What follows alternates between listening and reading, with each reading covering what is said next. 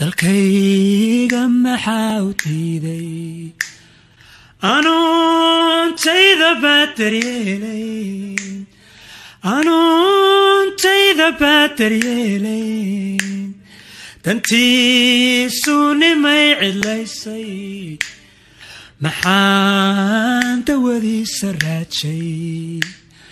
Maxaan dawadiisa raajay dagaalka sokeeyahayga dagaalka sokeeyahayga inuu dabayaaqa yeesho dadkayga maxaa u diiday dalkayga maxaa u diiday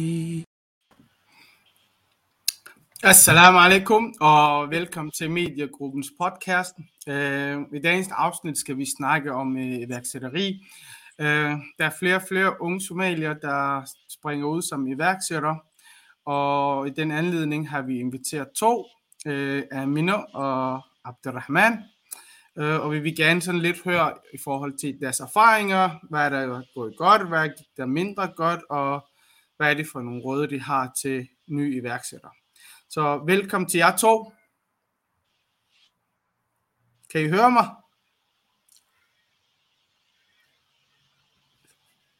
Okay. Lad os lige se om det kan. Kan I høre mig? Nå. Det ender med, at jeg har den her samtale med mig selv, tror jeg. Amina, kan du høre mig? Amina?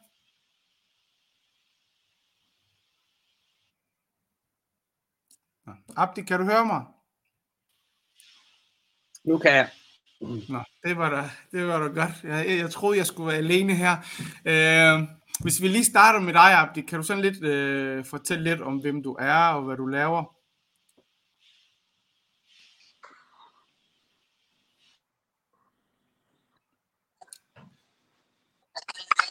Nå, jeg tror, han forsvandt igen. Amina, kan du høre mig? Nå, prøv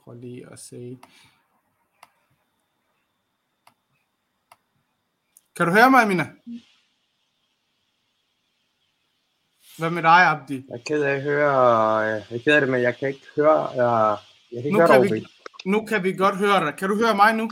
Som om, at øh, nettet forsvandt. Hvad med nu? Det er meget bedre nu. Nu, øh, nu er jeg direkte igen. Nå, okay. Jeg spurgte om, øh, kan du introducere lidt, øh, hvem du er og hvad du laver? Okay. Yes, ja, men jeg hedder Abdelrahman. Jeg er og jeg har en, øh, en der hedder øh, som er en platform, som samler IT-rapportører, der reparerer smartphone, tablets, computer på den ene side, og almindelige forbrugere, private forbrugere på den anden side, som søger efter en reparation til enten sin smartphone, tablets øh, eller computer. Og Ripley er platform, hvor, de mødes, og hvor man kan få alle de nødvendige informationer omkring den service eller reparation, man leder efter. Og på den baggrund, så kan man få al den information, som egentlig ikke er, øh, som er tilgængelig derude, men meget øh, kompliceret og en jungle at finde rundt i, der har vi samlet sammen et sted, så, så man kan træffe øh, øh, et valg på et velinformeret grundlag.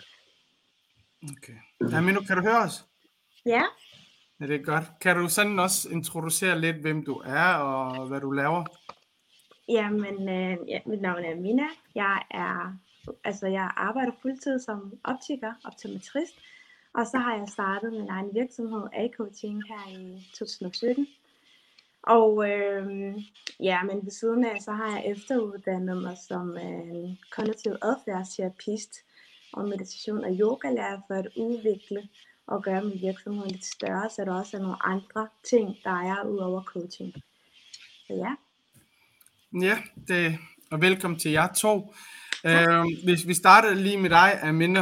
Øh, hvorfor, hvorfor har du valgt at starte dit eget, øh, din egen virksomhed? Altså, jeg har faktisk ikke rigtigt siden øh, tænkt på at skulle starte noget. Øh, Mm. Det var noget, der kom, fordi jeg nemlig har taget den her coachinguddannelse for at udvikle mig selv. Og så Mm. så jeg faktisk og har indset efter mit eget øh, erfaring, at der er stort kæmpe behov for coaching og udvikling i vores øh, community, en somalisk community. Mm. Og øh, det har jeg jo set ud fra alle de gange, jeg har hjulpet i forhold til eksamensangst og øh, de unge i København, har jeg set, hvor meget de faktisk har behov for hjælp, ud over, du ved, det her med at kunne tage over til en psykolog, og at kunne få hjælp med en studievejleder, så er der bare behov for at kigge, kigge ind i vores øh, unge her i Danmark, og så bare høre, hvordan de har det, og coach dem til at kunne opnå deres drømme. Det er meget tabu at kunne snakke om ens problemer, ens behov, ens adfærd, hvordan man har det i vores community, og det er derfor, at jeg vil gøre en stor kæmpe forskel for at kunne komme ind og øh, tage hånd om det her. Så derfor har jeg startet min virksomhed, fordi det er ikke, coaching er ikke ret stort bredt øh, i vores øh, community. Derfor har jeg startet det for at starte øh, og kunne snakke med de andre her. Hvad er det for nogle oplevelser, har du haft indtil videre så med at starte det? I starten var det rigtig svært. I starten var det svært at kunne acceptere, hvad coaching er. I starten var det rigtig svært at kunne kigge mig i øjnene og sige, at jeg faktisk har behov for hjælp. Fordi som sagt, som jeg sagde, det, det er meget tabu at kunne snakke om ens egne problemer, fordi det er ligesom, man taber ansigt. Det er ligesom, det her af. Man må ikke snakke om det. Så øh, det var rigtig svært for mig at kunne komme ind og øh, fortælle dem faktisk, at øh, hvad jeg kan gøre for dem. Øh, og jeg har også oplevet, hver gang jeg sådan snakker med de unge, så skal jeg også have accept for deres forældre, hvad det er, vi er i gang med. Og hver Mm. gang jeg faktisk har snakket med Walidinta, så er det der, hvor der er det der nej og og du skal ikke fortælle, like, sådan noget som, Mm. mm. bare han dig, hvad har du behov for? Øh, og det er jo det her med, at man ikke anerkender ens følelser, ens adfærd, og man ikke anerkender, hvordan man har det. Fordi Mm. udover at man bare smiler, og man går i skole, og man får gode karakterer, så er der noget dybt inde i en psykisk, som man skal snakke om. Og det er der, Mm. hvor jeg er der.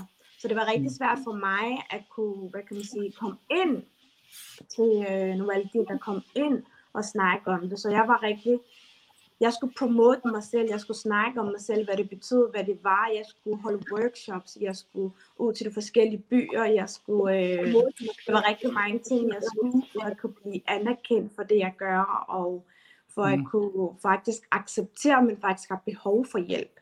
Mm. Øh, og faktisk det, der gjorde en rigtig stor hjælp, det var faktisk, at da jeg vandt det her pris i øh, Mediesomalisk, det var der, hvor rigtig mange Waladin så, hold da op, det er faktisk rigtigt, det hun siger. Øh, Og så Mm. var der bare en hel masse kontakter til mig efter øh, aften faktisk. Så det var det Ja. problem, jeg så, det der med, at man ikke anerkender det. Ja. Du snakkede lidt omkring nogle af de udfordringer, man har i forbindelse med eksamen. Hvad er det for nogle andre udfordringer, har de unge, ud over det her med angst øh, i forhold til eksamen? Er der andre er- ting, du kan sådan pege på? Øh, der er meget depression og stress. Ja. Øh, der er meget angst. Øh, der er meget, du ved, det her med, at de vil gerne noget, men de, sådan, de tør ikke at snakke om det. De, de tør ikke at blive set anderledes. Det er Mm. en af det. Og det her med at kunne snakke om ens drømme højt. Øh, fordi man bare skal følge bølgen, som er en skole, uddannelse, men man ikke kan tage sabbatår for eksempel, og man ikke kan tage en anden form for uddannelse, som ikke er kendt i den somaliske community. Okay. Ja. Øhm, Abdi, jeg kender jo dig lidt personligt, så, men til dem, der ikke kender dig, hvordan, altså, hvornår begyndte du at tænke over det her med at starte en virksomhed, og, og det lige nuagtigt skulle være det, du laver i dag? Jeg tror ikke, jeg havde nogen bestemt tidspunkt, hvor jeg tænkte, okay, nu skal jeg starte en virksomhed. Øh, Jeg startede egentlig virksomheden, fordi jeg så en mulighed øh, for at starte noget. Øh, og meget af det øh, udspringer fra, fra mit tidligere arbejde i træ. Øh, jeg har arbejdet i telebranchen i rigtig mange år, både arbejdet i TDC, øh, men senest i, i træ.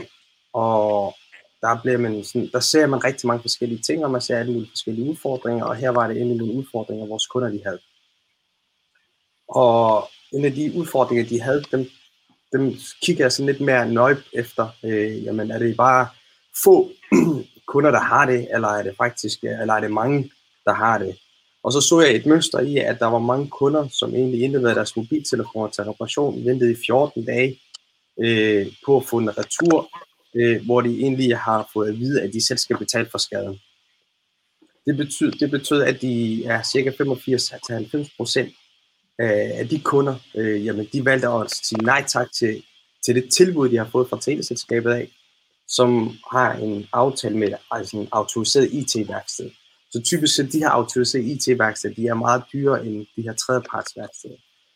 Så 9 ud af 10 plejer at sige nej tak til tilbuddet, og når de så fik deres telefon retur efter 14 dage, uden den er lavet, så spurgte de også i butikken, øh, kan I anbefale et IT-værksted her i, i, i byen, som vi kan bruge, øh, og hvem er bedst, og så videre.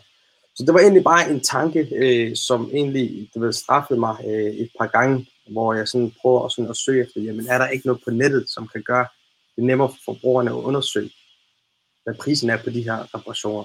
Altså, det, er jo, mm. det er jo simple reparationer med en fast pris. Der var ingenting. Og lige præcis sådan en, øh, hvad hedder det, hjemmeside, som samlede priserne et sted øh, for reparationer af smartphone, tablets. Det eksisterer ikke, selvom at mange, der, der, selvom der er mange platforme for andre brancher, hvor man kan gå ind og sammenligne priser, hvor man kan få tre tilbud eller fem tilbud. Men lige for den her branche, der var der ingenting. Mm. Så jeg så en mulighed at, i, i at, at lave noget der. Øh, og, og så begyndte jeg sådan at, en, en nysgerrighed på at, at, at, at undersøge, øh, hvad det er for en slags branche der, hvor stor den er, hvor mange IT-værksteder der er. Så jeg lavede min research, øh, og ud fra, ud fra min research de første, i hvert fald et par måneder, så, så kunne jeg se, at der var faktisk en, en, en business case her, mm. øh, og en god forretningsmulighed, og man kunne være, du ved, den første, altså first mover på selve, øh, øh, hvad hedder det, det her, det her, det her felt inden for, mm. inden for hvad hedder det, øh, øh, hvad hedder det, reparation af smartphone, tablets og computer, og samle, simpelthen samle det hele samle, øh, samle det hele sammen et sted. Mm. Øh, så det tog lidt tid, før jeg egentlig øh, hoppede ud i at være øh, iværksætter og starte min virksomhed op, og jeg vidste ikke helt, hvordan jeg skulle gøre det. Så der har også, der har også været en del udfordringer med, med selve hele at starte det hele op. Og så der, hvor vi er nu, øh, så du ved også lidt, OB, øh, øh, det er ikke helt nemt at starte sin virksomhed op. Det er, det er, der er mange udfordringer, og der er mange, der hedder bum på vej. Ja, vi, skal nok mange... tale, vi skal nok tale om de udfordringer lidt til sidst, men som jeg kan høre på jer begge to, I var ikke, de, altså man siger jo, at man er født iværksætter. Det er nogen, der bare fra når det er 16 år, vil gerne være iværksætter, men det er som om, I så en mulighed, og så valgte I bare at gå efter det. Øhm, man siger også jo, at øh, måske hvis der er 100 mennesker, øh, der overvejer at være iværksætter, der er måske fem af dem, der virkelig gør noget for at, at starte øh, egen virksomhed. Så hvorfor mener I, I er lidt anderledes øh, end de andre? Altså hvorfor, hvorfor er I hvad, dem, der valgt at kaste jer ud i det her? Jeg tænker, at der er, der, altså, man siger, at enten så er man født iværksætter, øh, eller så er man altså enten born, øh, eller øh, øh, eller hvad hedder det, made. Øh, og, og der er stadigvæk en diskussion om, hvad det er, man er. Du ved ikke, om man er født iværksætter, eller om man ikke er, eller om man kan lære det. Øh, så i, jeg tror ikke, at det er, øh, jeg tror, det er sagtens noget, man kan lære. Øh, og, og, og det er ikke sådan en, hvad hedder det, at man kan ligesom kategorisere folk og sige, okay, du kan blive iværksætter, du kan ikke, og så videre. Jeg tror, det er, at man skal kaste ud i det, og så finder man faktisk selv ud af, om, om det er noget for en. Og hvis du har en interesse, så bliver det også, øh, vil jeg skyde. Ja. Hvad siger du, Amina? Øh, jamen, som Abdelrahman sagde til sidst, det er vigtigt det her med at kunne vide, hvad det er, man gerne vil. Øh, og så ikke tænke på det i lang tid, fordi så kommer der nogle andre tanker, og så kommer der nogle andre meninger fra familien, fra venner, fra øh, samfundet. Så hvis man har en drøm, så synes jeg bare, at man skal følge det og ikke tænke på for meget det her med iværksætteri. Øh, fordi tænker man på det, så kan man jo se alt, hvor man tænker, ej, jeg er jo slet ikke ligesom de her mennesker. Så jeg tror heller ikke, man skal sammenligne sig med andre mennesker, men se, hvad er det, du gerne vil starte. Øh, er der noget, du kan få ud af at starte det her, og hvad er det, der stopper dig? Fordi det er rigtig nemt at give op. Det er Mm. mm. så nemt, og jeg var ved at give op så mange gange. Øh, men det er det, man kunne kæmpe, kæmpe for det. Øh, stod på dig selv. Altså, Mm. Lad, lad os nu se, så, så prøver vi lidt at gå ind i det praktiske. Ikke? Lad os nu se, jeg har en idé. Øh, fra at det er en idé til, at det bliver til en virksomhed, så er der kæmpe arbejde. Øh, hvad skal man gå op med sig selv, inden man begynder at kaste sig ud i sådan noget? Hvad er det for nogle overvejelser? Er der, øh, er der penge? Er det pengene, man skal først kigge på? Er det afkastet, altså hvor meget man kommer til at tjene? Hvad er det, man skal sådan have gået op med sig selv, inden man kaster sig ud i det her? Vi kan starte med dig, Amina. man skal kunne finde ud af, hvad det er, man vil. Øh, finde det her røde linje. Hvad er det, du gerne vil? Og hvor er du på vej hen? Øh, hvad handler, hvis, hvis det er noget, man skal sælge, hvad handler det produkt om? Hvem er din øh, målgruppe? Hvem vil du gå til? Er det internationalt? Er det den somaliske community? Er det det danske? Er det nogle butikker? Jeg tror vi, virkelig, man skal stå for sig selv, kigge på sig selv ind i spejlet, og så svare på alle de her spørgsmål, indtil man virkelig ved. Så hvis der er Mm. en person, der kommer og stiller dig, så skal du bare være klar til at svare på det. Du skal vide, hvad dit produkt handler om. Du skal vide, hvad det indebærer. Øh, ja. Det er det, jeg, Ja. det er det, jeg i hvert fald synes, der er det vigtigste. Fordi der er mange, der har gode idéer. Der er så mange, der har drømme, men de ved ikke rigtigt, hvor de er på vej hen. De ved ikke, hvordan de skal starte. Øh, så Mm. søg netværk også. Hvis du har noget, du skal sælge, søg netværk inden for det område. Prøv at kigge på det. Google er det bedste, du kan søge. YouTube er det bedste. Instagram, de sociale medier, det skinner over det hele. Og det er så nemt at finde hjælp i den her tid. Så også det her med at kunne søge om hjælp, og ikke øh, tænke på, at man skal tabe ansigt, fordi man er i gang med at søge om noget. Så Hvad siger du, Abdi? Altså, jeg vil sige, at Amina har fuldstændig ret. Man skal finde ud af, hvad det er, man gerne vil, og hvordan øh, man egentlig gerne vil hvad det, øh, øh, køre sit projekt. Øh, se det som et projekt, som man egentlig skal i gang med. Og, og det bedste udgangspunkt, det er at, øh, at finde ud af helt præcis, hvad det er for et produkt eller projekt, som man gerne vil sætte i gang. Øh, har man undersøgt øh, om det er et fysisk produkt, eller om det er service, har man undersøgt lige præcis det, man gerne vil hvad hedder det, arbejde med, har man undersøgt øh, det marked, man gerne vil operere i, øh, har man undersøgt, jamen, det, hvad det koster at starte op. Nogle, det kan godt være nogle gange, at man skal have produceret en, et, produkt eller et prototyp, som koster egentlig rigtig mange penge. Har man, har man lavet alt forarbejdet, sådan så at man ved, okay, jeg har alle de nødvendige informationer til at sige, okay, nu kaster jeg mig ud i det. Øh, Mm. Så simpelthen lave sit forarbejde, lave sit research, sørg for, at man er godt sat ind i, i, i det stof, øh, man gerne vil arbejde med. Og så er det næste, du, du spurgte øh, Hamid op om, om man skulle se på, hvordan man tjener penge og alle de her forskellige ting.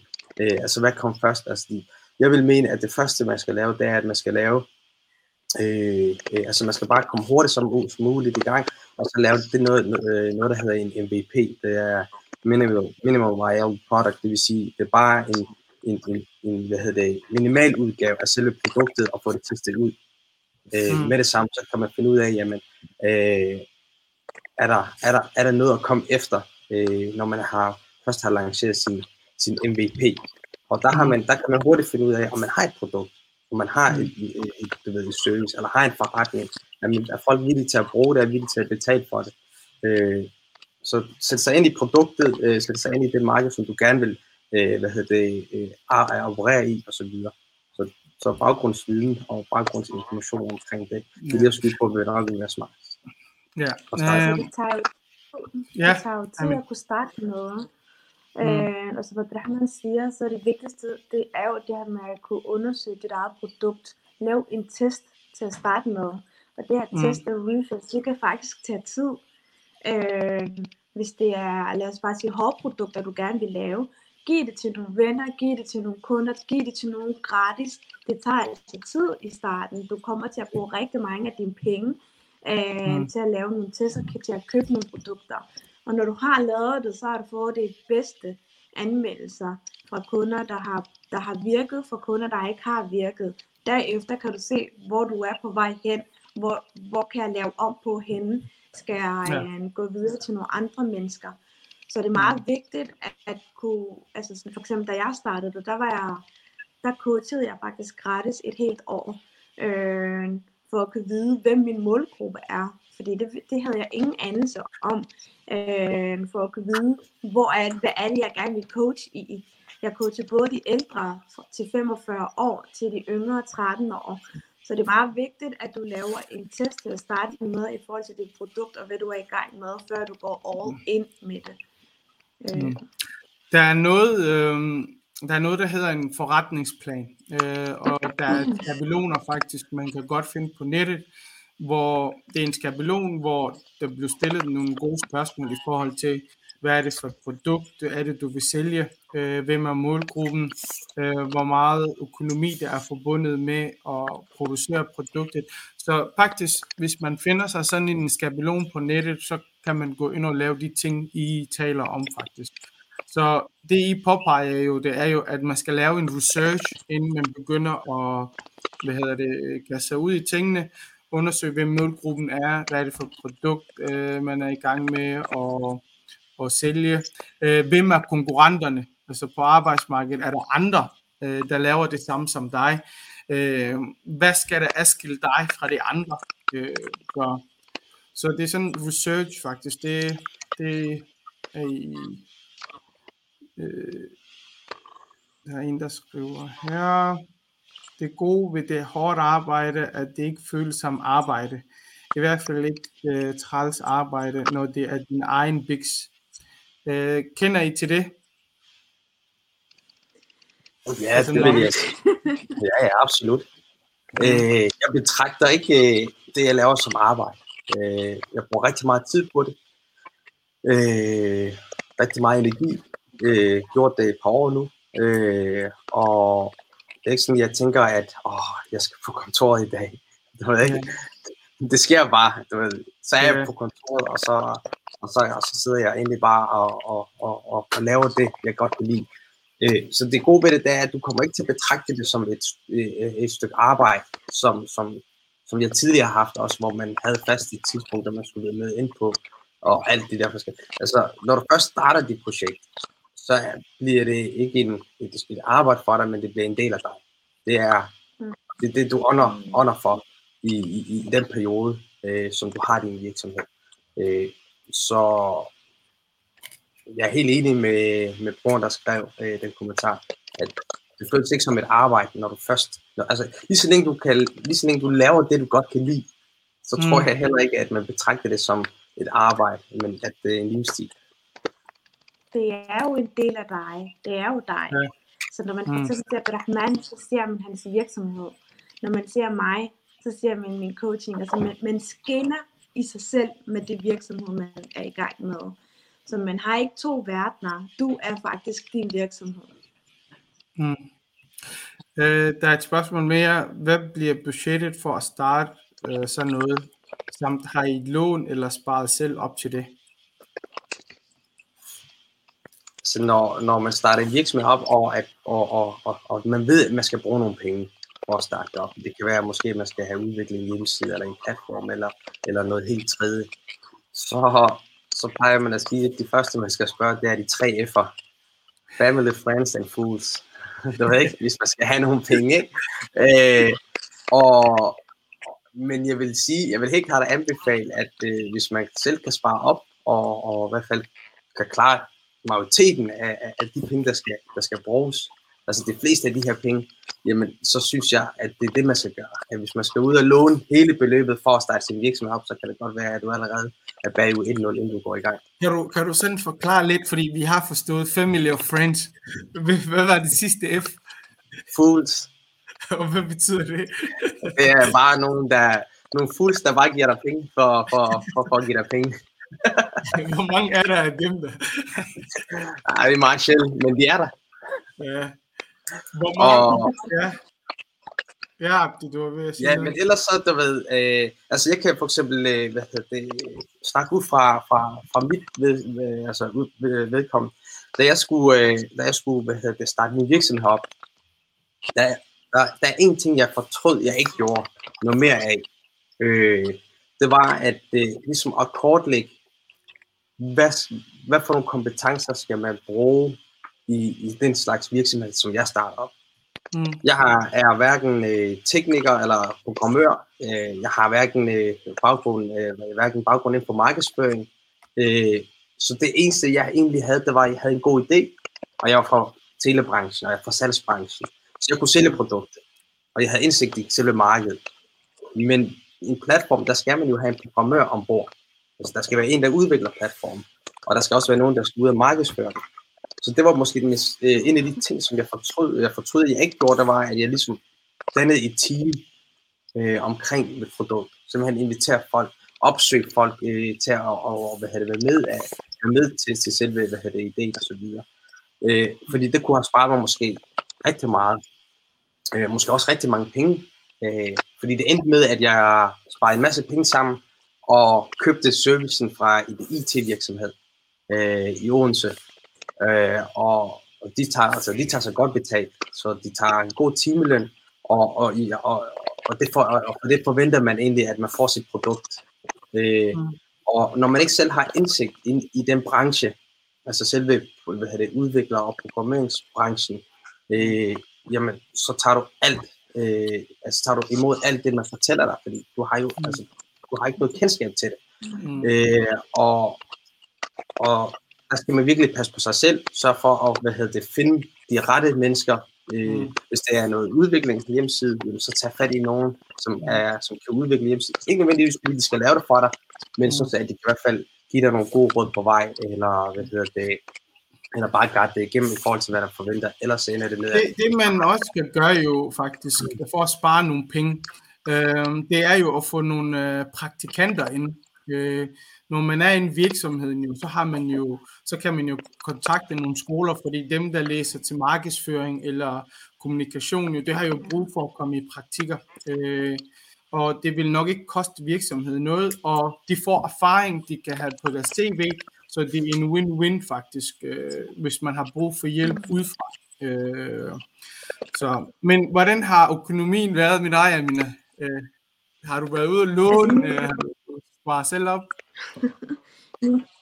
Mine er jo meget anderledes, fordi de har, jeg skulle jo ikke sælge et produkt, jeg skulle nærmest, altså jeg skulle ud og, hvad kan man sige, sælge min øh, coach i forhold til, hvad det indebærer, og hvad, jeg skulle ud og hive nogle kunder ind, så jeg har mm. ikke brugt, hvad kan man sige, en hel masse til at kunne øh, købe produkter og sælge det. Det jeg har mm. brugt rigtig meget på, penge på, det var for eksempel altså uddanne mig selv til at tage nogle mm. kurser, øh, vide, hvordan jeg faktisk kan, hvad hedder det nu, øh, kan hive kunderne, fordi et er jo, at jeg er en personlig udviklingscoach, men jeg er ikke et retail-menneske. Så jeg ved mm. ikke, hvordan, jeg vidste ikke rigtig, hvordan jeg skulle have, jeg skulle hive menneskerne og sælge mit eget altså coaching-produkt. Ja. Så jeg har brugt min, hvad kan man sige, sparet penge til at kunne få en business mentor, der kunne hjælpe mm. mig. Vi lavede plan sammen. Jeg svarede en hel masse penge til, hvordan jeg kunne tage til nogle forskellige kurser. Øh, når alle de her kurser, det handler om, hvordan du kan få de virksomheder op at køre, især coronatiden. Det var faktisk der, hvor jeg mm. begyndte at investere altså i min mm. egen virksomhed. Hvor før i starten, jeg brugte tid, når jeg kunne. Ikke?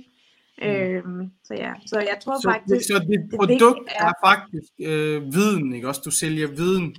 Øh, og for at kunne gøre det, så skal du også tilegne dig viden, og hele tiden være ja. øh, opdateret på, hvad der sker, og sådan noget, ja.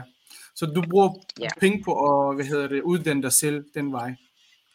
Ja, at få, altså okay. have en mentor, have en business mentor, have en, hvad hedder det nu, en account manager, altså der er rigtig mange forskellige ting, øh, som man skal have styr på. Men hmm. hvis jeg skal være helt ærlig, til at starte med, skal du slet ikke tænke så langt. Til at starte med, hmm. skal du virkelig vide, som vi snakkede om, og Abdelrahman og jeg snakkede om det her med, vid, hvad dit produkt er, undersøg det mm. først, hvor mange penge skal du bruge på det, hvor meget koster alt det her ting, hvor skal du mm. få det fra, er der nogle andre steder, du kan få det billigere henne, og mm. hvis du gerne vil kunne spare ved siden af, så faktisk mm. ikke gå all in med det, have en fuldtidsjob ved siden af, have en deltidsjob ved siden af, så du kan køre din virksomhed, mens du faktisk arbejder, så du ja. ikke går all in, så pludselig går du konkurs, fordi du ikke Mm. lige vidste, hvad du skulle. Så altid være på den der røde linje, altid vide, hvor du står henne. Mm. Altid tage et skridt tilbage, i stedet for at tage et skridt frem, og lige kigge Mm. rundt omkring. I forbindelse med økonomien og låne nogle penge og sådan noget, så der er jo også et øh, islamisk perspektiv her jo, fordi hvis du skal gå ud og låne 200.000 kroner på banken, så er der jo også noget renter forbundet med det jo. Øh, hvordan ser I det? Altså, banken er nok de sidste, der giver, der giver dig penge. Øh, så banken er måske ikke engang øh, den, den, den første mulighed. Øh, jeg tænker, hvis man skal... Altså, det er meget svært for eksempel at, at, at, at låne penge øh, fra banken. Hvis du bare kommer med en forretningsplan, så er det fordi, du har en, øh, en idé med et patent, som er unik. Øh, og du ved, så kan de sige, okay, de skal have 20 millioner for at kunne producere det her, fordi de er de eneste, der må lave det i hele verden. Du ved ikke? Mm. så kan det godt være, at det giver nogle penge. Men hvis jeg kommer over til banken med min forretningsplan og sagde, at jeg kan låne en million, så vil Ja. de klaske øh, ansøgninger på tilbage på mig. Så Ja. der, hvor man skal, ligesom skal starte, hvis man skal ud og, og hente nogle penge, det er, som også Amin har snakket om, kom ud med dit produkt så hurtigt som muligt, og få det testet af. Kan du se, at, der er, at, det, at, at det giver mening, og der, at det fungerer, og at der kommer resultater, og der kommer noget, noget hvad hedder det, trafik, eller noget, nogle tra- transaktioner, øh, jamen så kan man sige, okay, her der har jeg egentlig bevist, at den forretning, som jeg egentlig gerne vil lave, jamen den har jeg lige testet af på x antal mennesker, eller Mm. øh, som en MVP, og så nu kan jeg faktisk øh, øh, hvad skal lære det op. Mm. Og der har man mulighed for at kunne få noget af det her softfunding. I Danmark så er vi så heldige faktisk, at der er statlige, statslige midler, man kan søge øh, fra Væksthuset, øh, Vækstfonden, Innovationsfonden, øh, der er Fonden for Entreprenørskab også, øh, som man også kan søge øh, 50.000 kroner til, til, til, til sit startup. Hvis du har en idé, og du laver din business case, så kan du sende det til dem, og så kan de faktisk give dig 50.000, op til 50.000 kroner, hvor du, kan, hvor du kan bruge de penge for at starte din forretning op.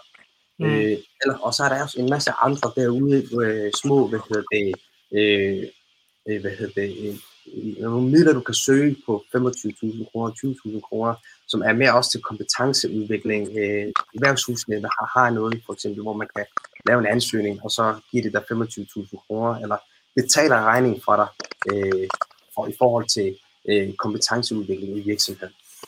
Så der er, så der er rigtig mange ting, der er rigtig mange midler at hente derude, så banken, nødvendig, mange banken behøver nødvendigvis ikke være det, det sted, hvor man, hvor man søger hen. Men ligesom for ligesom at kunne starte op, så kan det godt være, at det kræver nogle penge, men der må man jo snakke med de tre.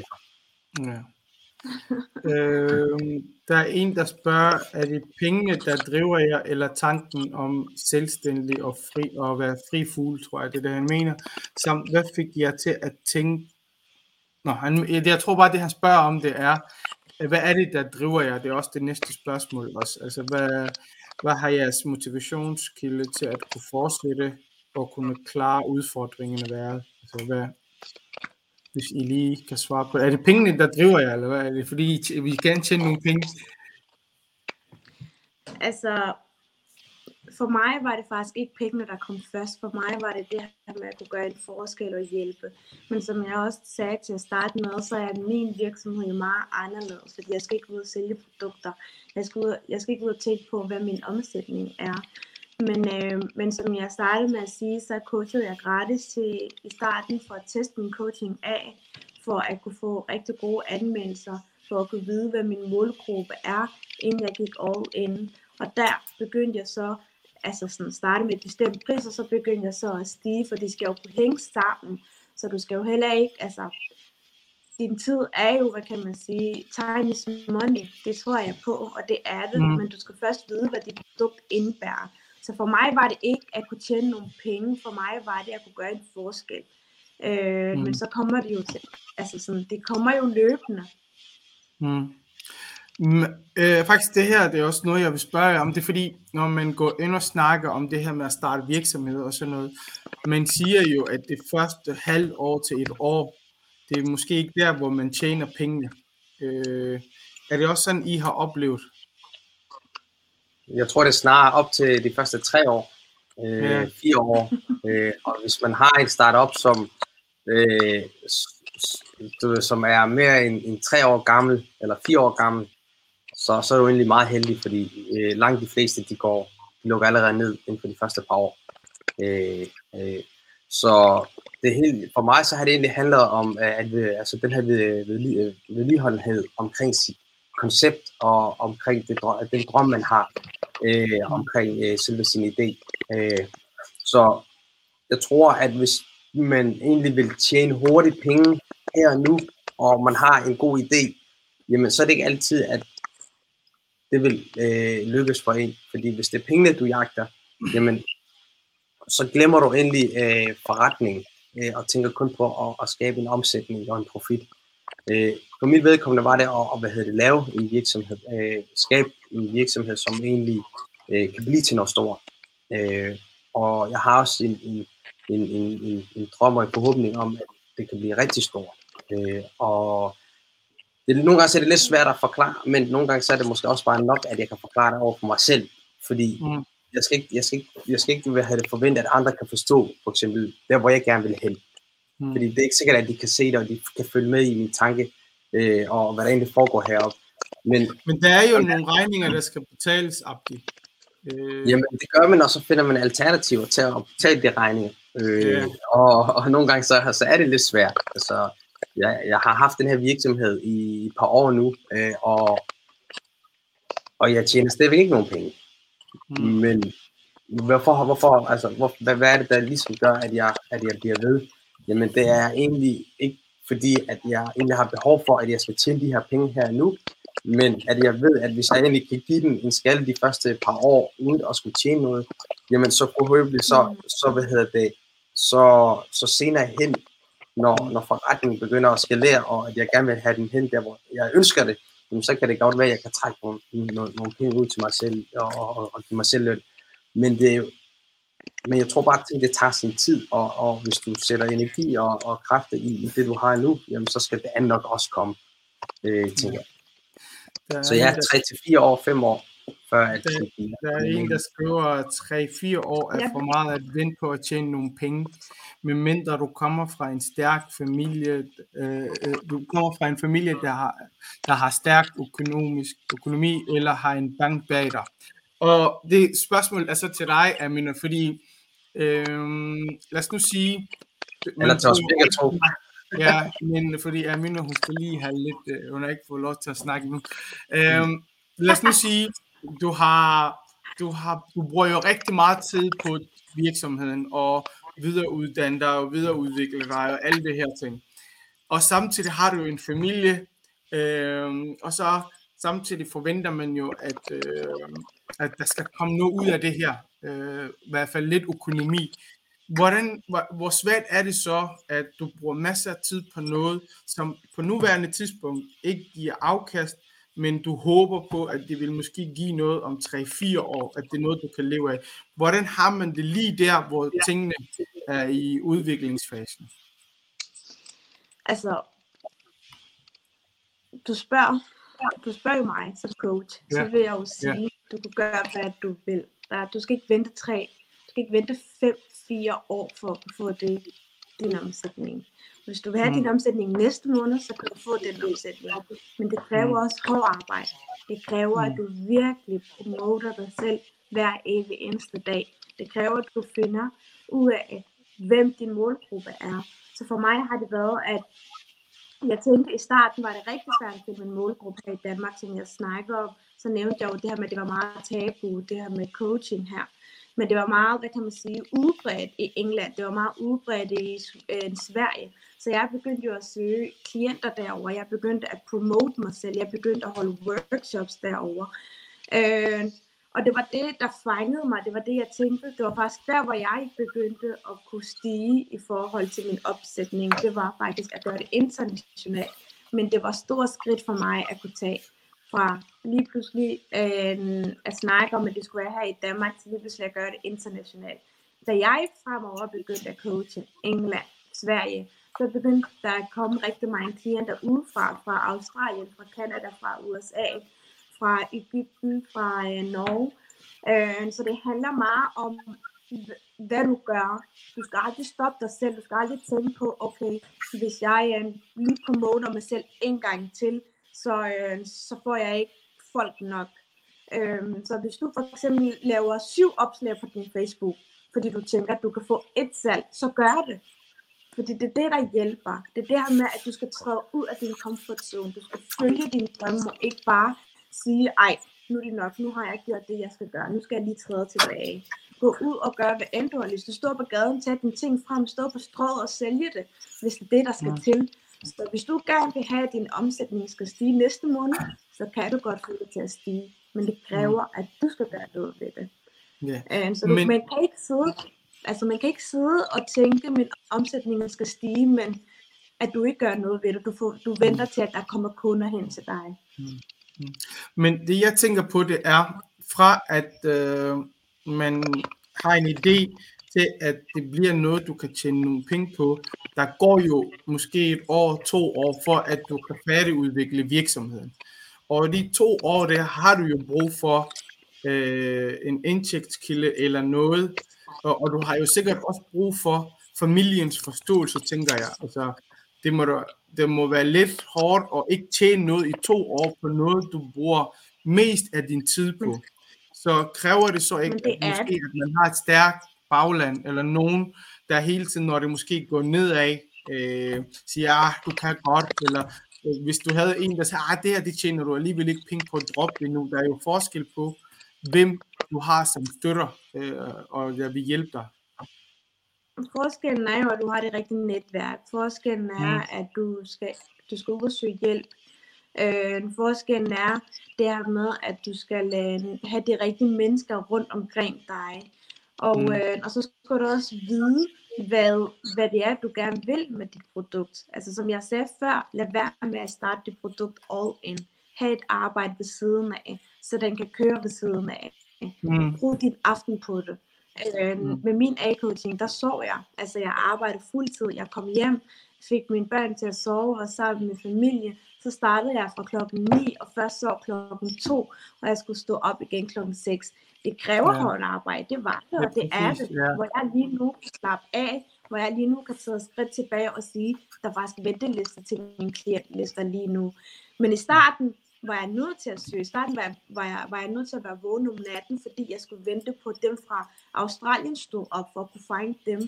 Så det, Mm. så det er det her med, at du skal have et arbejde ved siden af, øh, i stedet for at du går all in, og så pludselig, altså det, det er svært, det er det, og det kræver tid at kunne have din, hvad kan man sige, virksomhed op at køre, men researche, inden du starter, inden du starter ud med det, ud, inden du lancerer det, snak, spørg folk, gå ud og hvad hedder dine produkter ud, få nogle gode anmeldelser, så kan du begynde at lancere. Når du så har lanceret, så kan du have et arbejde ved siden af, hvor din virksomhed kan køre. Og den er, når den er begyndt at køre, så kan du så gå stille og roligt tilbage til at arbejde fuldtid med den. Mm. Og, og, og det er jo præcis det, jeg vil komme frem til, fordi der er nogen, der har den her tanke om, ah, jeg starter noget øh, næste måned, jeg har en indtjening, men det kan ikke se alt det hårde arbejde, man laver bag alt det her. Det, du siger jo, du arbejder fuldtid, du skal få børnene i seng, og så mindst de sover, skal du lave det ved siden af, og så to-tre timer skal du stå op, øh, gøre børnene klar i skolen, du skal på arbejde, så er du jo hele tiden i underskud med søvn og alt det her ting. Der, er jo, der ligger jo hårdt arbejde bag tingene, øh, for at det skal lykkes. Mm. Og Det var mere, det, var mere Ja. det. Øhm, øhm, jeg, jeg ved jo også godt, nogle gange har man jo brug for øh, nogen, man kan spare med. Altså nogen, øh, man kan afbruge forskellige idéer med. Hvem havde I? Øh, og er der andre eksterne øh, personer, som man kan spare med, som øh, har prøvet noget lignende før?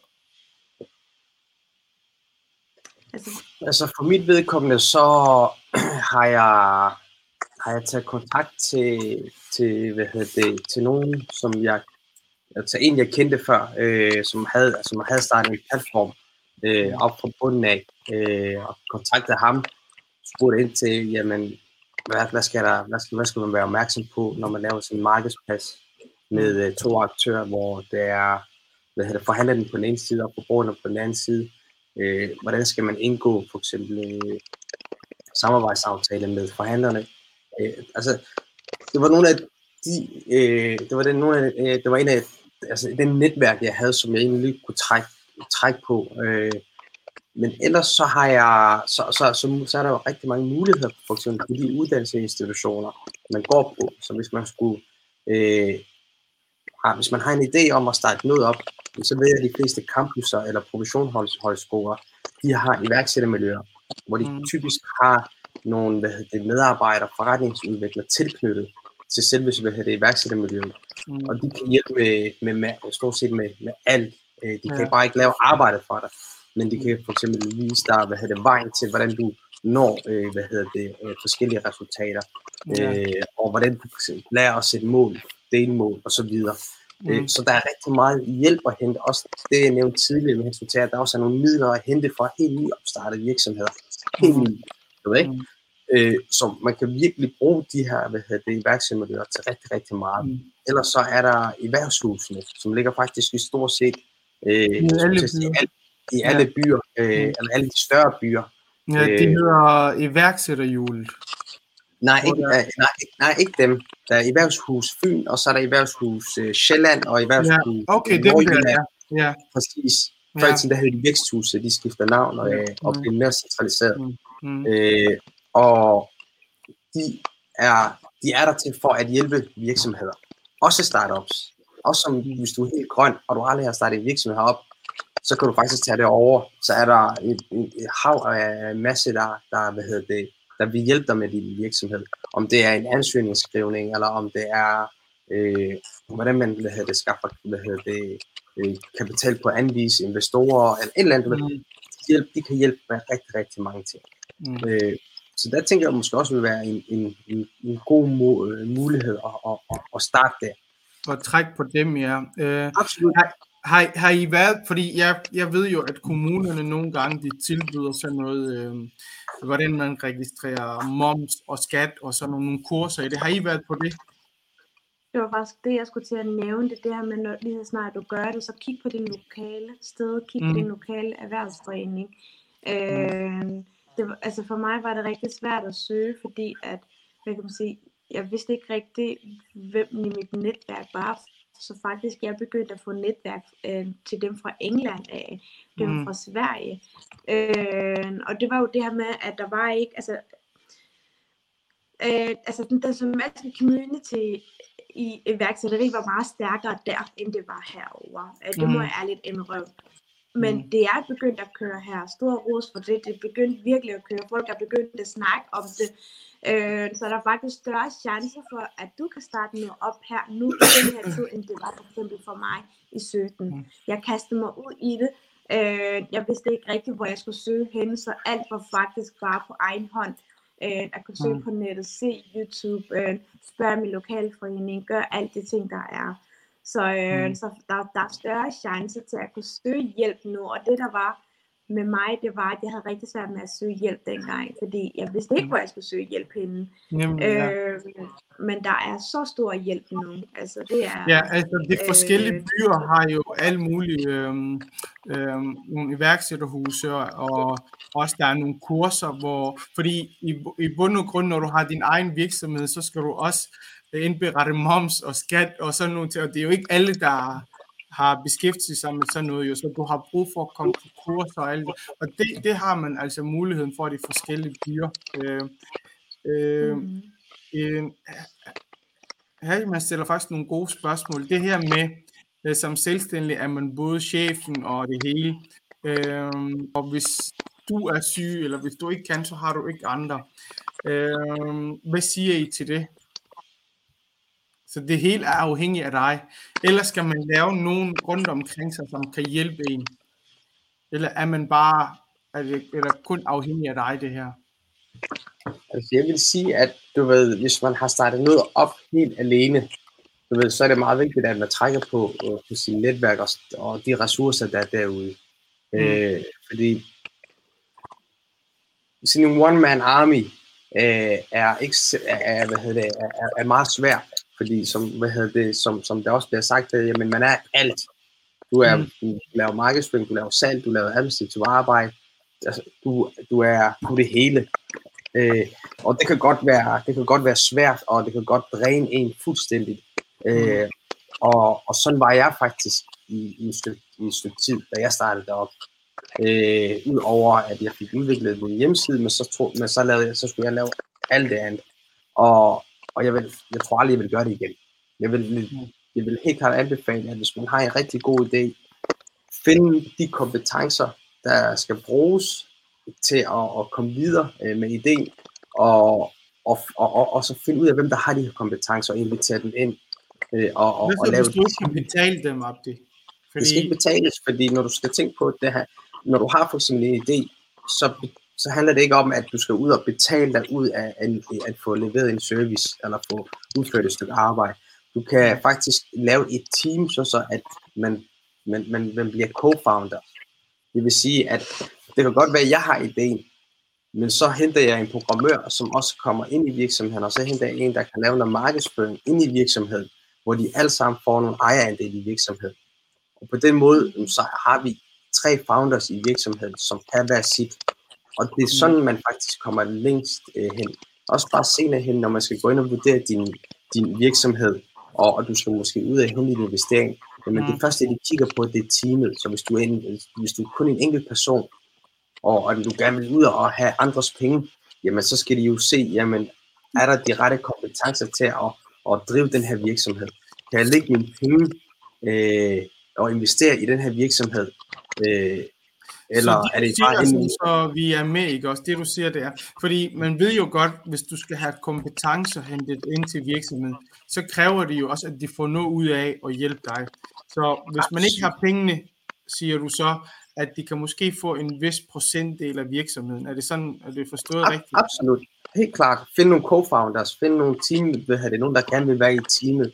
Det var det, jeg startede. Det var ikke det, det var for ikke det, jeg startede med, men det endte med, at det var det, jeg gjorde, efter at jeg brændte fingrene rigtig mange gange.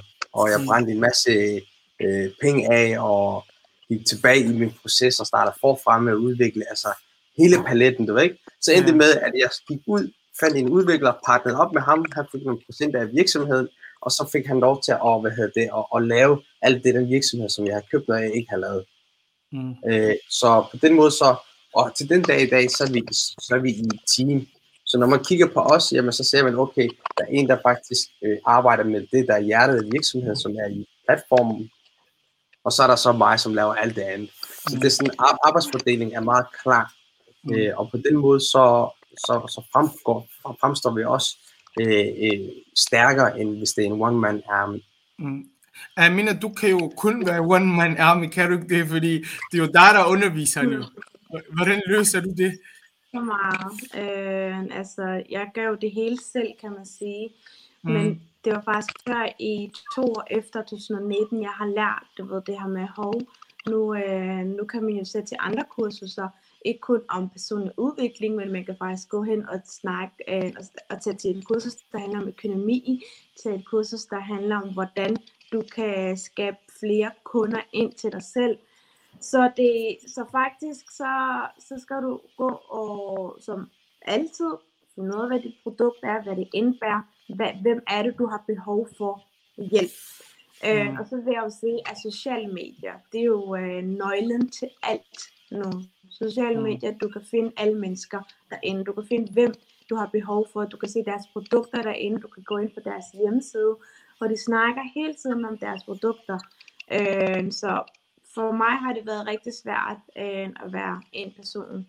Men, øh, Mm. men det er rigtig nemt for mig nu, fordi jeg har fundet en plan for, hvordan og hvornår jeg skal arbejde med det. Jeg har, jo, jeg har jo arbejdet med en del, der skulle starte deres egen virksomhed. Øh, og tit det, jeg har oplevet, det er, at de er bange for nogen, der stjæler deres idé eller deres forretningskoncept. Har I haft samme bekymringer? Det, det tror jeg, altså, altså jeg tror, jeg tror, man vil lyve, hvis man ikke har haft en, en bekymring omkring, om der er nogen, der kommer og overhaler indenom, øh, mens man er i gang med sin. Øh, og, men jeg tror, hvis, man, hvis det er det, man tænker på, jamen så tror jeg egentlig bare, at man forsinker sig selv øh, med at være produktiv, og egentlig bare fokusere på at få sit ud. Øh, der vil helt klart være øh, nogen, som synes, at det, man laver, det er rigtig godt, og det er smart, og at, øh, at det vil vi da gerne kopiere. Men jeg tænker, hvis for eksempel, øh, i, for eksempel, i mit tilfælde, så er egentlig, altså, der er jo ikke sådan rigtig noget andet på markedet, end det jeg har. Og hvis Mm. der er pludselig øh, øh, nogen, der laver det samme, jamen, så kan de jo faktisk løbe meget hurtigere, end jeg kan, fordi det har taget mig rigtig lang tid at udvikle det her produkt. Mm. Øh, og så kan de jo er hurtigt se, så, Ja. så kan de studere den, og så kan de sige, okay, alle de fejl, han har lavet, dem la- laver vi ikke. Og så kan de faktisk øh, måske komme ud på markedet meget hurtigere. Så man Ja. får altid den her, hvad hedder det, man, man, er, man, man, er, man er den første på markedet, men nummer to vil altid prøve at, at, at komme i hælen. Så jeg har selvfølgelig, alle er nervøse for, at der er nogen, der Mm. kommer og kopierer deres idé. Men det er i Ja, hvert fald ikke der er jo forskel på at være first mover, eller være den, der kommer bagefter. Øh, ja. Jeg er sikker på, jo, du sad måske sikkert med, altså hvis jeg deler, fordi det var noget nyt jo, det var jo ikke noget, man havde før. Hvis du delte det med nogen, der havde måske øh, økonomien i orden, så kunne du jo bare tage din idé sådan der jo, og allerede være på markedet. Helt klart. Nogle gange så slår når man, altså helt fra start af, du ved, så selvfølgelig så skal man holde sin kort tæt og ikke at fortælle alle og enhver, at du Ja. har den her fede idé, og du gerne vil i gang med den her idé. Ja. Øh, det kræver selvfølgelig en vis, hvad hedder det, øh, disciplin at holde det ind for, dig, for sig selv, uden at du ved, begynde at, at, at, at, sige det til nogen, som faktisk kan finde på at, at kopiere det. Altså, vi har set det utallige gange. Jeg har set folk, hvordan de kopierer hinanden. Øh, og, og, og, og muligheden er der, så når man har en idé, jamen så snak med de betroede venner og familie og, og få hjælp derfra. Men hvis du har passion, og du har driven, øh, og det er din idé, så er du allerede foran, selvom de prøver at kopiere. Øh, fordi nu, de vil jo bare lave, øh, hvad konkurrent eller hvad den anden person gerne vil lave, men det er ikke sikkert, at de har samme drive, og det er ikke sikkert, at de har samme passion for produktet. Og det er ikke engang, de har, det er ikke engang, det er ikke engang sikkert, at de har tænkt de samme visioner og missioner for hele konceptet. Så hvis det bare er en kopi, jamen, så er de slet ikke bagud, vil jeg skyde på. Hvordan ser du det, Amina? Altså, altså som jeg sagde til at, i start, til at starte med, det er et produkt af dig. Øh, så du skal, altså sådan, det handler om at have det rigtige mindset. Har du det her mindset med, at åh oh nej, der kommer nogen, og selvfølgelig skal du hele tiden kigge på dine konkurrenter, men du skal ikke stå og tænke på, at øh, de, altså sådan, mine kunder vælger dem frem for mig. Øh, så har du ikke solgt dit produkt godt. Øh, så du skal, det hele handler om, hvordan faktisk din virksomhed og din produkt det er dig. Så når dine kunder kommer over til dig, så, så skal du bare være dig selv, og så sælge det, du kan gøre. Vælger det dig, men så har det valgt dig. Øh, og som jeg sagde, der er rigtig mange coaching, coaching mennesker her i Danmark, men vi har forskellige målgrupper, og vi coacher i, nogle fors- altså i rigtig mange forskellige, hvad kan man sige, øh, i rigtig mange forskellige ting. Mm. Øh, så, så lad være med at tænke på, hvad andre gør. Tænk på, at dit produkt det bliver dig som person. Øh, det er dig, der skal sælge. Det er dig, der er dit produkt. Så når, dine kunder kommer over til dig, så er de ikke kommet til dig på grund af dit produkt. De er kommet til dig, fordi du er den person, som du er. Øh, Ja. Så du skal have den, det rette mindset øh, på plads. Du skal tænke positivt, og du skal vide, hvad er det, du gør, og hvorfor du gør det hele tiden. Spørg dig selv hver eventdag. Øhm, vi har ikke så lang tid tilbage. Jeg tænker, har der været en episode eller noget, hvor I tænker, at det her, det var, det var pissehårdt, eller en udfordring, eller noget, I, I har oplevet i forbindelse med jeres øh, virksomhed? Altså for mig var Ja, det, altså- øhm, Jeg kan fortsætte med. Mm. For mig var det coronatiden. Der var der rigtig mange af mine klienter, der bare gik tilbage i starten. Og det var jo det her med, at rigtig mange mistede deres jobs. De kunne ikke rigtig betale. De kunne ikke rigtig gøre noget. Øh, det var rigtig hårdt for mig der. Øh, så jeg var faktisk nødt til at tage et step tilbage og arbejde på min mindset, arbejde på mig selv, på min udvikling. Øh, det var faktisk der, hvor jeg videreuddannede mig og tog den her terapistuddannelsen. Jeg tog, jeg tog en meditation- og yogauddannelse for at gøre min virksomhed lidt større, så der er også nogle andre ting i det. Øh, og det har faktisk bare gjort, at det har boomet op, øh, efter jeg gjorde det. Så nogle gange kan du sidde i rigtig mørke tider, øh, men så handler det også om at lave plan. Det handler om at lave altså sådan social media detox, arbejde på dig selv, finde ud af, hvad det er, du gerne vil, connect med dit sjæl, øh, dit mindset, connect med dig selv og finde ud af, okay, det er det her, jeg gerne vil. Så selvom at folk er væk, selvom at jeg er gået lidt ned, så hvordan kan jeg hive folk op igen? Øh, mm. Så ja, så det var faktisk der, hvor jeg har oplevet det, der var, hvad kan man sige, hvor folk bakkede lidt tilbage. Og det er jo ikke bakket tilbage, fordi det ikke vil have mig som coach, men det var økonomien, der kom på spil. Øh, mm. Så jeg var nødt til at tage et step tilbage og sige, okay, det her det er rigtig hårdt nu, hvad skal jeg gøre? Det var der, hvor jeg begyndte at investere i mig selv og få en business mentor, en der kunne hjælpe mig med at lave en handlingsplan, en der kunne hjælpe mig med at sætte strategi på, hvordan og hvad der skulle gøres. Mm. Øh, ja. Ja. Men Abdi, jeg ved jo godt, Abdi, jeg ved jo godt, du har mistet nogle penge i forbindelse med din virksomhed. Hvordan var det? Den, den, den, historie, den, den historie, den kræver en hel episode for sig selv.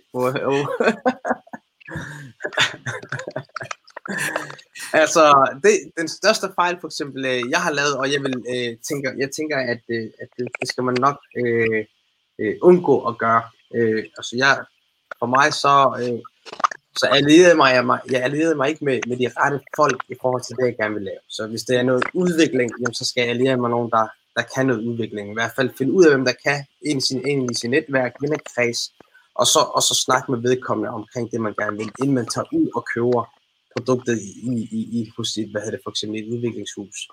Øh, det jeg egentlig gjorde, det var, at jeg var, jeg var fortrykningsfuld omkring, at jeg fandt en virksomhed, som var godt etableret, som kendte deres kram, øh, som vidste, hvad de lavede. Og hvis jeg gik over til dem og præsenterede mit, øh, min forretning og min idé for dem, og hvis de kunne løse den, jamen, så var det jo det rette match, og de viste også en masse referencer omkring de virksomheder, de har lavet noget for tidligere. Så jeg var meget sådan, okay, fint nok, jeg går med den her virksomhed, Øh, vi aftaler en pris, og, og så gik det egentlig bare i gang. Og jeg har ingen clue, jeg har ikke en, ingen, ingen idé om, hvad det er, der foregår. Øh, Udover at jeg ved, at de er i gang med at udvikle en platform. Men hvordan og hvorledes, har jeg ingen anelse. Så jeg kunne ikke følge med i processen. Øh, så når man starter noget op, så for at du har det hele, altså ved hånden skulle jeg til at sige, at du ved, hvad der foregår step by step, øh, og du kender processen øh, vores forretninger, men de er måske de er meget forskellige, øh, mm. og, og, og for mit vedkommende, så har man et IT-produkt, og, og der skal man virkelig være forsigtig med, hvem man vælger at, at, at betale øh, til, for at de skal udvikle deres platform, fordi man kan hurtigt brænde de fingre, eller brænde de penge af og brænde fingrene. Det endte med faktisk, at efter at de havde udviklet platformen, at jeg så gik i luften med Rapid.dk. Og, og, og den var udviklet forkert, øh, og efter to måneder, øh, hvor den var live, så blev jeg faktisk nødt til at tage den ned. Øh, det var en mavepuster. Jeg har arbejdet på den i, i, på det tidspunkt i måske lidt over et år, næsten halvandet år, og fandt ud af så, at efter vi var gået live og i luften, jamen så var det hele, øh, hele vores øh, frontend del, den var udviklet forkert, og at øh, altså det var, det var for mildt sagt, det var noget værre bras. Mm. Øh, det skulle laves om, og den virksomhed, så, som jeg havde betalt for, at de skulle lave om, jamen kort tid efter, så gik de konkurs, så var der ikke så meget hent og juridisk for dem af. Så jeg, jeg sad med, med, med, med mange udfordringer og mange på men det endte med, at jeg fandt en, en partner efter nogle måneder, hvor vi så byggede det helt op fra starten igen. Altså vi byggede det helt op forfra. Der, der brugte vi også et år mere. Øh, mm. så jeg har været tæt på at opgive øh, selve hele mit projekt rigtig mange gange, men jeg bliver helt til om, der hvor jeg egentlig gerne vil hen, og hvorfor mm. jeg startede. Så det der... du, har jo, du har jo ikke betalt små penge for at videreudvikle appen jo, eller virkelig hjemmesiden. Ja, altså bare vedligeholde sig på øh, hver måned, det koster, selvom der ikke kommer nogen penge. Så i, i, altså, i princippet så, for, så, der, så har jeg kun udgifter. Øh, der kommer indtægter ind, men det er, meget, det, det er egentlig ikke så meget nu, fordi sådan en platform som min, den kræver en, form, altså en stor form for volumen. Altså vi skal have rigtig mange besøgende på siden, og vi skal have mange bookinger og transaktioner. Mm. Øh, det betyder egentlig, at man skal ud og markedsføre sig, brande sig selv, øh, placere sig rimelig godt på Google, og det kan jo sagtens gå op og koste 10, 15, 20, måske op til 50.000 kroner om måneden, bare Ja. ja. det at markedsføre øh, sådan, Ja. sådan en slags platform. Mm. Så det er jo det er måske min næste job ud og, og hente, ud og hente de penge. Jeg, det jeg, jeg, jeg behøver ikke at... Det var jo, at du har ikke Hov, Ja, jeg det fortsætter, var, men at ja. du har jo ikke givet op. Øh, du har jo virkelig mødt modstand.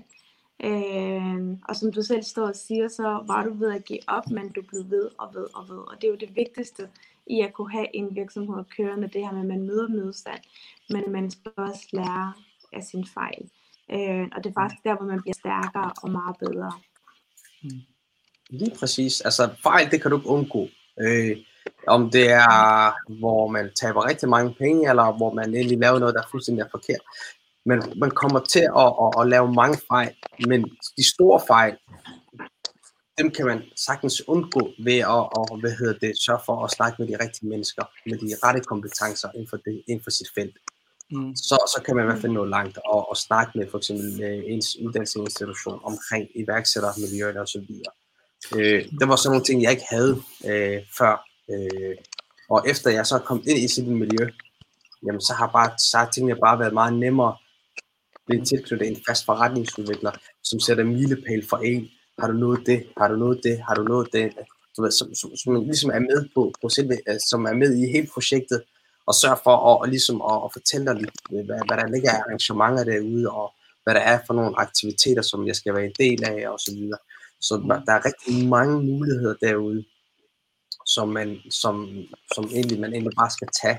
Og hvis man ønsker at starte noget op, så vil jeg helt klart anbefale, at det, der hvor man skal hen, det er ens uddannelsesinstitution. De miljøer, der er derude, iværksættermiljøerne, de er faktisk guld værd at være en del af.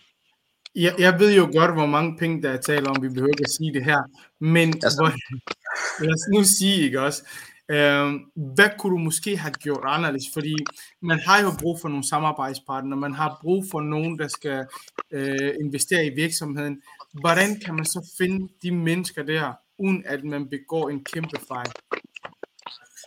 hvis man skal udvikle en hjemmeside øh, eller en platform, så, så synes jeg, at det smarteste vil være at finde en udvikler, en programmør, der kan være med i virksomheden, som kunne være en del af virksomheden.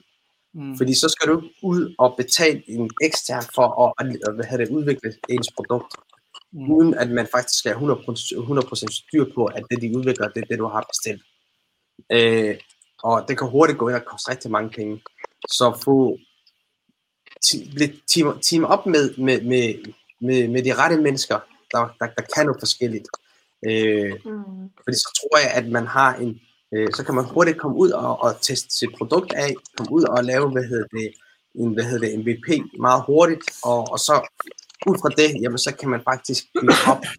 Øh, men hvis man gør ligesom jeg gjorde, øh, tage over til øh, en virksomhed og, og, og give dem en masse penge for at udvikle noget, jamen det er ikke sikkert, du får det, som du ønsker, eller det er ikke sikkert, at det bliver til det, du ønsker. Øh, fordi det er jo en virksomhed, der skal tjene penge, og de bruger x antal timer på, på, på, på, på det, de skal lave, og, og mere gør de ikke. Øh, og hvis du har en indhav i virksomheden, jamen så er I jo to om det. I deler samme vision og mission omkring virksomheden. Ja. Ja. Så heller det. Mm. Tiden, tiden er ved at løbe fra os, men jeg forlænger lige med 10 minutter. Det er, det er spændende det her med, hvad hedder det, der er en, der spørger, er det svært at komme ind i iværksættermiljøet som somalier? Og så kobler jeg det med et spørgsmål til, det er, øh, hvordan er det at være iværksætter i Danmark? Der er jo rigtig mange øh, retningslinjer, love og regler, som man skal indholde. Så er det svært at være iværksætter i Danmark, og er det svært at være så- som somalier at komme ind i det her iværksættermiljøet? Vi kan starte med dig, Altså- Amelie. Det handler jo om, hvad, hvad du selv gør det til. Øh, som vi snakkede om, nu ved jeg så ikke, om øh, Fatima, der spurgte om spørgsmål, om hun var på det til at starte med, men vi snakkede jo rigtig meget det her med at kunne undersøge det produkt til at starte med, undersøge, hvad loven er, undersøge, hvad jurid, de juridiske ting er, undersøge, hvad, hvad det indebærer, inden man går over, altså inden man faktisk går ind i det. Men om det er svært, det synes jeg ikke, det er. Øh, det er selvfølgelig rigtig hårdt, men det er hårdt lige meget, hvad det er. Så om du er dansker, om du er som mig, hvad, altså sådan, jeg går ikke så meget op i, hvor, kommer, hvor man kommer fra. Det, for mig betyder det rigtig meget, hvad dit produkt indebærer, hvem du er som person, og hvad du selv gør det til. Øh, så det kommer også an på, hvad din målgruppe er, og hvem du er efter. Øh, ja. Yes. Altså, jeg vil ikke mene, at det er hårdt øh, at komme ind i de her iværksættermiljøer. Hvis, der, hvis de eksisterer derude, så, så accepterer de alle. Øh, man skal bare vide, hvad det er, man gerne vil. Øh, man skal egentlig bare, altså, man skal sørge for, at man har øh, en idé, og, og, og at man egentlig ved, hvordan øh, man, man, skal, man skal lave sin forretningsplan, og man har lavet sin research. Og, altså alt det forarbejde, øh, man har. Øh, og iværksættermiljøet, de optager en, hvis man, hvis man er studerende på, på for eksempel i, i, i, i, altså, i hvad hedder det, universitet eller professionshøjskole, så, er, så, så kan man egentlig ansøge om at komme ind i den her iværksættermiljø, og der går det ikke ind og kigger på, øh, hvem det er. Altså har du en idé, så kommer du ind, og så skal du arbejde med din idé. Øh, og mm.